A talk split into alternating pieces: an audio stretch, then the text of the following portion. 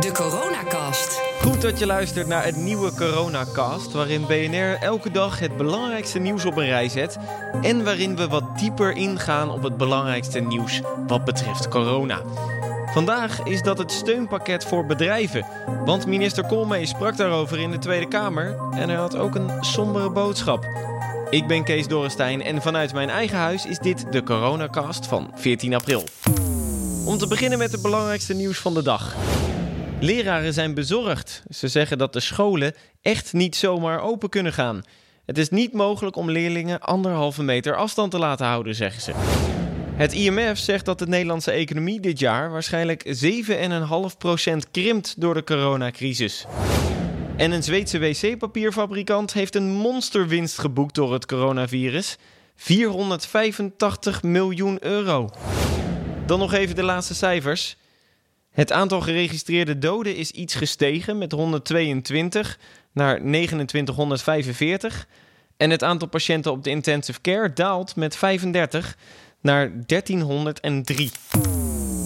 Dan naar Den Haag. Want in de Tweede Kamer werd vandaag gedebatteerd over het steunpakket van het kabinet met minister Koolmees van Sociale Zaken.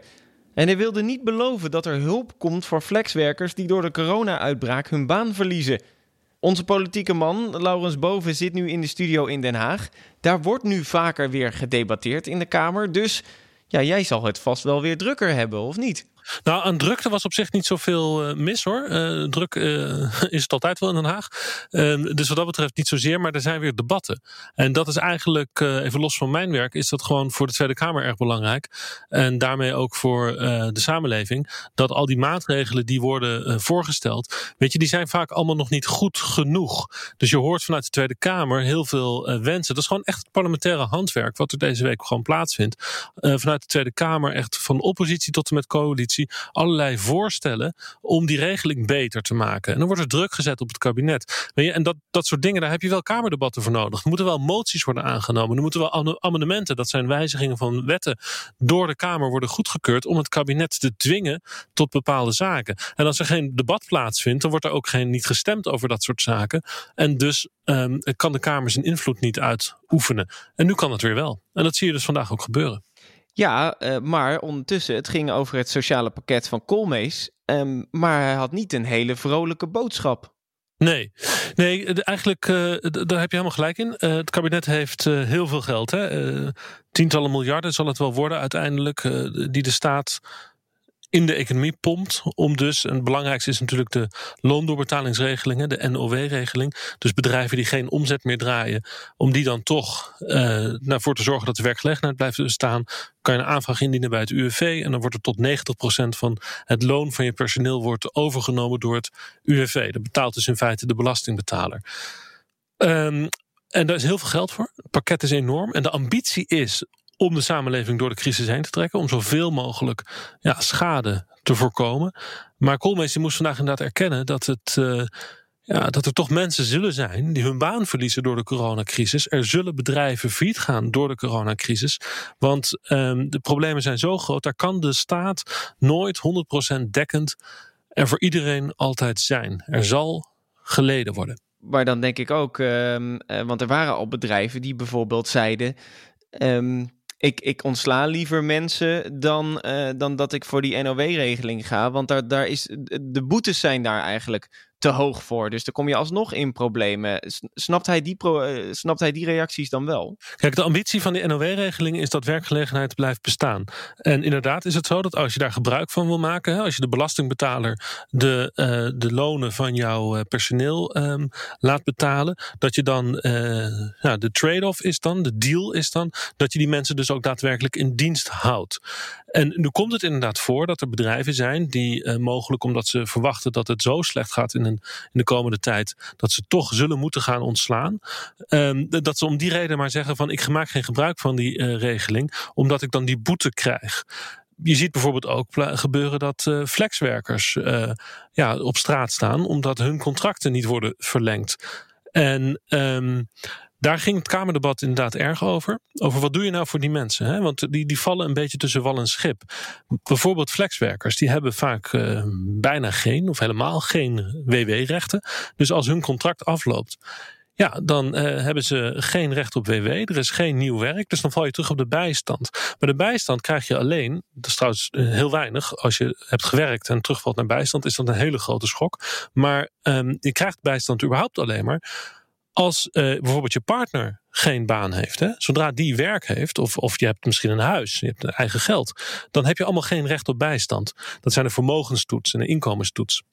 Nou, en nu hebben ze in de in, de noodpakketten zit een, een, regeling dat als je bijvoorbeeld ZZP'er bent en je hebt nu even geen werk, dan kan je zonder vermogenstoets de bijstand in. Dat is een, een van de noodmaatregelen. Maar voor flexwerkers is dat dus niet zo. Hè. Die hebben dus geen recht op WW. Die kunnen geen gebruik maken van de loonkostenregeling omdat hun werkgever hun baan niet wil behouden en ze toch uh, zijn ontslagen. En ze kunnen niet in de, in de bijstand omdat bijvoorbeeld hun partner gewoon een baan heeft. Die vallen dus tussen wal en schip. En het, de Tweede Kamer die wil eigenlijk Kamer dat daar een oplossing voor komt. Dat er dus iets wordt geregeld voor die mensen die eh, geen recht hebben op al die andere maatregelen. En dus in de eh, situatie zouden kunnen komen dat ze gewoon daadwerkelijk echt zonder inkomen zitten. gaat die oplossing er ook komen? Er wordt mij uh, verzekerd vanuit uh, bijvoorbeeld de Partij van de Arbeid. Uh, die heeft tijdens het paasweekend onderhandeld met, uh, met Koolmees. En zij ehm, vertrouwen erop dat er daadwerkelijk een regeling gaat komen. Koolmees zelf in het debat vandaag wil hij dat nog niet zeggen. Hij wil niet beloven dat dit gaat lukken. Omdat hij zegt van ja, het is heel erg ingewikkeld. En het is ook heel erg. Hè, de regelingen die we bedenken moeten wel rechtvaardig zijn. Je zou bijvoorbeeld, dat voorbeeld gebruikte die, hè, je zou bijvoorbeeld kunnen zeggen, die mensen die geen recht op hebben op WW, die geven we toch WW. Want dat is dan, uh, nou, dat zijn die mensen geholpen. Ze zijn immers buiten hun schuld werkloos geworden vanwege de coronacrisis. Ja, niemand had dit voorzien. Dus we hebben de WW. We laten hun toe tot de WW. Maar is dat rechtvaardig? Vroeg hij zich retorisch af. Want om WW te krijgen moet je eigenlijk premies betalen. Hè? Dus, dus, dus iedereen die recht heeft op WW heeft daar jarenlang premies voor betaald. En nu zouden we dan de WW openzetten voor mensen die geen premies hebben betaald. Dat is eigenlijk niet helemaal eerlijk, zei hij. Nou, en hij zit dus met allemaal dat soort problemen. Dus uh, daar zoekt hij naar. Naar hoe kan je nou een regeling maken die uitvoerbaar is, die ook eerlijk is en, en die dan ook werkt. Hè? Waar je dus die mensen dan ook daadwerkelijk mee mee helpt. Maar goed, uh, het, uh, er, er is uh, een berekening gemaakt dat het een paar honderd miljoen zou kosten om sommige groepen, om, die groep kleiner te maken die tussen wal en schip valt. En ehm, daar gaat hij aan werken. Maar het is nog vandaag nog niet opgelost. En dan tot slot, verwacht je de komende dagen nog extra maatregelen wat betreft die steunpakketten?